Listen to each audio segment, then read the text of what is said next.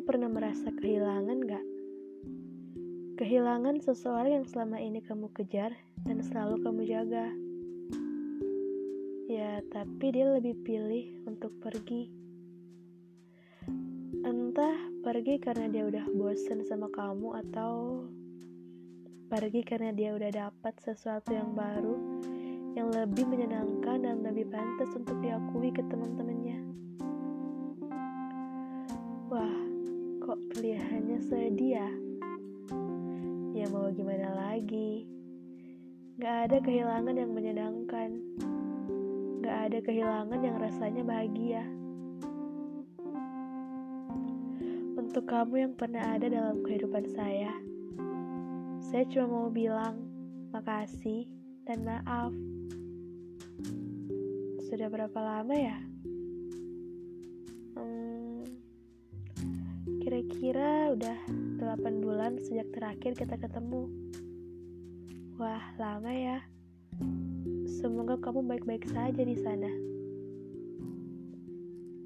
1 April 2020 Saya mau bilang makasih karena waktu itu kamu selalu bahagiain saya.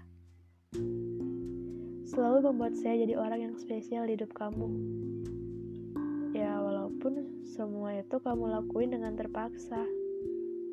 Mata kamu gak bisa bohong. Kamu cuma kedoktrin sama kata-kata teman kamu yang bilang, Pilih dia yang udah lama kenal sama kamu. Pilih dia yang udah tahu baik buruknya kamu.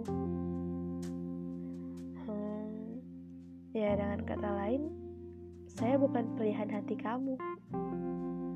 Saya bukan seseorang yang kamu inginkan waktu itu. Sandiwara kamu bagus, tapi gak bisa bertahan lama. Semua jelas kalau bukan saya yang kamu inginkan. Dan maaf, karena kamu udah ngabisin waktu setahun lebih yang sia-sia dengan saya. Waktu yang harusnya bisa kamu lewatin dengan dia yang kamu sayang. Dengan dia yang selalu kamu bangga-banggain di depan saya. Dengan dia yang kalau kamu cerita tentang kehidupannya, kamu pasti bahagia yang dengan bangganya kamu mengakui kehadirannya di depan saya.